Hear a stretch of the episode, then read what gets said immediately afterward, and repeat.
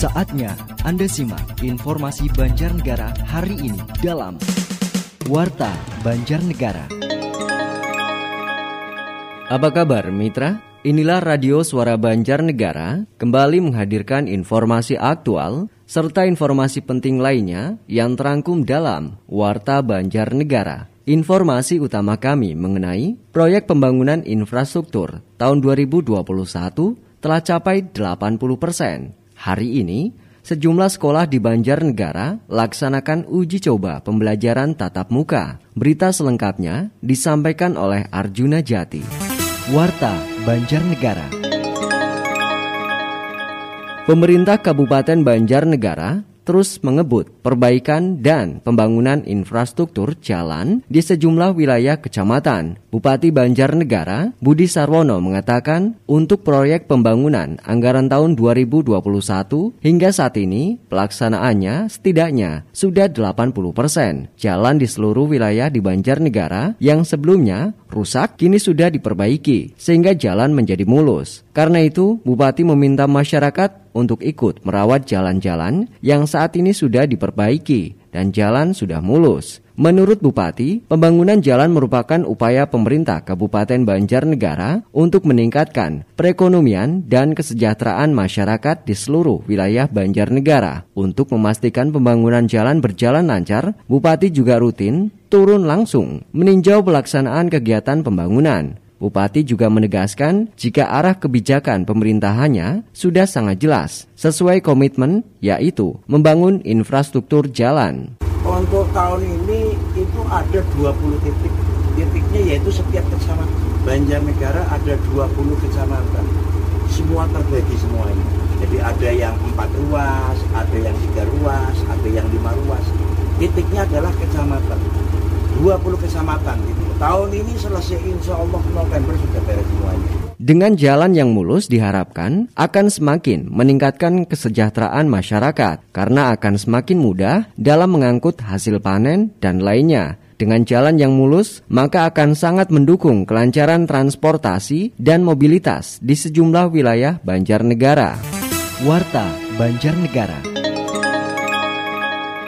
Sejumlah sekolah di Banjarnegara hari ini mulai melaksanakan uji coba pembelajaran tatap muka terbatas. Kepala Dinas Pendidikan, Kepemudaan dan Olahraga Kabupaten Banjarnegara, Nur Tamami mengatakan, pada tahap awal PTM terbatas akan dilaksanakan di 5 SMP dan 20 SD di 20 kecamatan yang ada di Banjarnegara. Untuk menunjang kesuksesan rencana PTM terbatas, pihaknya telah melakukan sosialisasi secara berkala kepada seluruh masyarakat, khususnya terkait penerapan protokol kesehatan guna mencegah penyebaran COVID-19.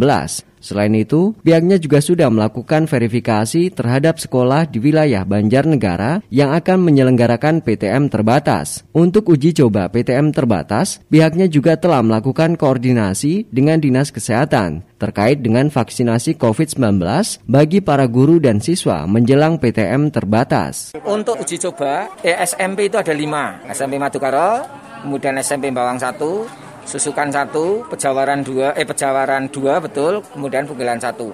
SD-nya itu ada 20 di masing-masing kecamatan satu.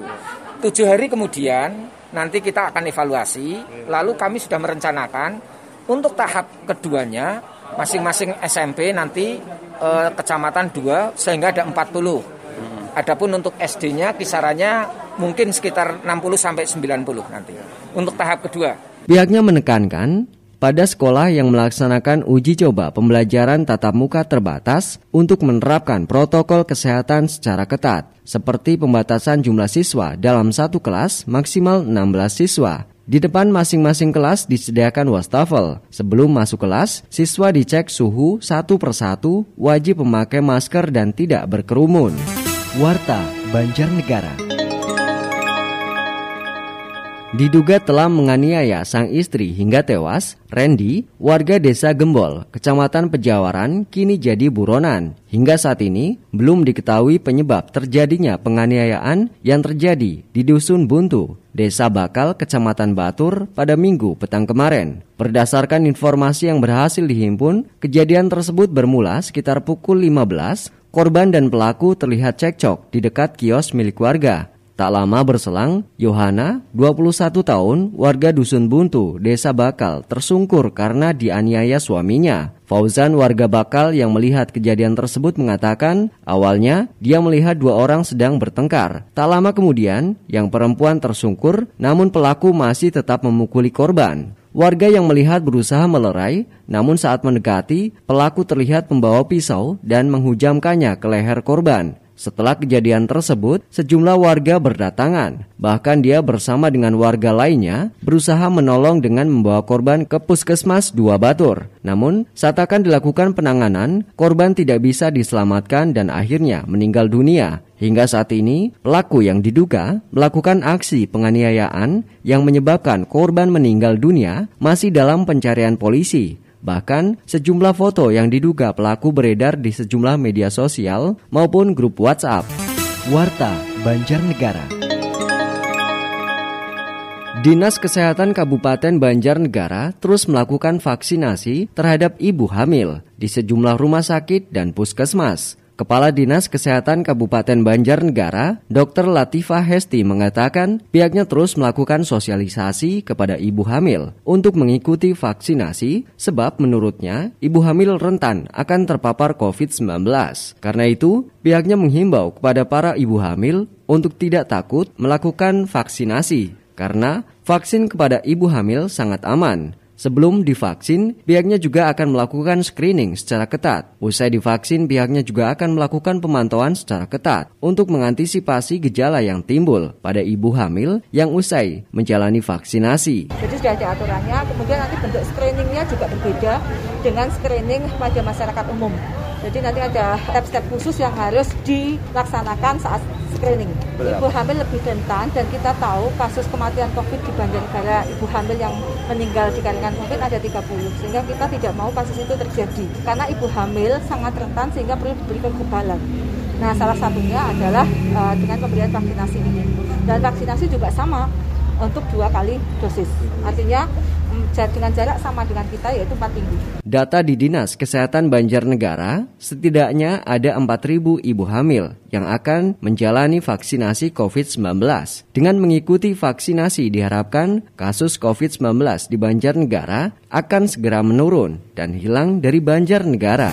Warta Banjarnegara.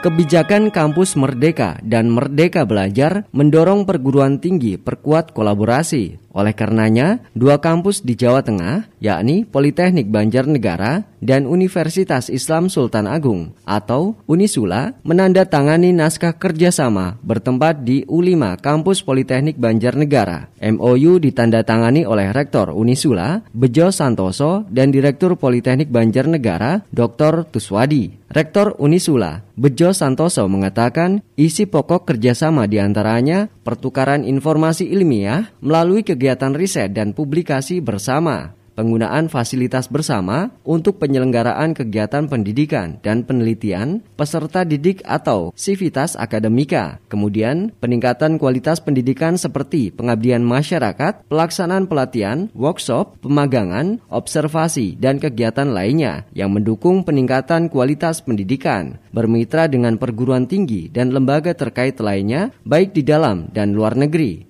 Menurutnya, program studi keperawatan di Unisula akan menjadi yang pertama untuk mengimplementasikan MOU tersebut dengan menggandeng program studi kebidanan Politeknik Banjarnegara untuk melaksanakan kurikulum Merdeka Belajar. Ke depan, program studi agroindustri Politeknik Banjarnegara juga akan digandeng untuk bersama-sama menggarap pemberdayaan petani di desa-desa binaan kedua perguruan tinggi tersebut, khususnya untuk mekanisasi dan teknologi ramah lingkungan bagi dunia agroindustri. Direktur Politeknik Banjarnegara, Dr. Tuswadi mengatakan, Unisula sebagai salah satu kampus swasta besar di Jawa Tengah memiliki posisi yang sangat strategis untuk menguatkan tiga pilar institusi yang dipimpinnya yaitu pendidikan, penelitian, dan pengabdian masyarakat. Warta Banjarnegara. Demikian Warta Banjarnegara kali ini. Akhirnya, mewakili kerabat kerja yang bertugas, saya, Arjuna Jati, mengucapkan terima kasih atas kebersamaannya dan sampai jumpa.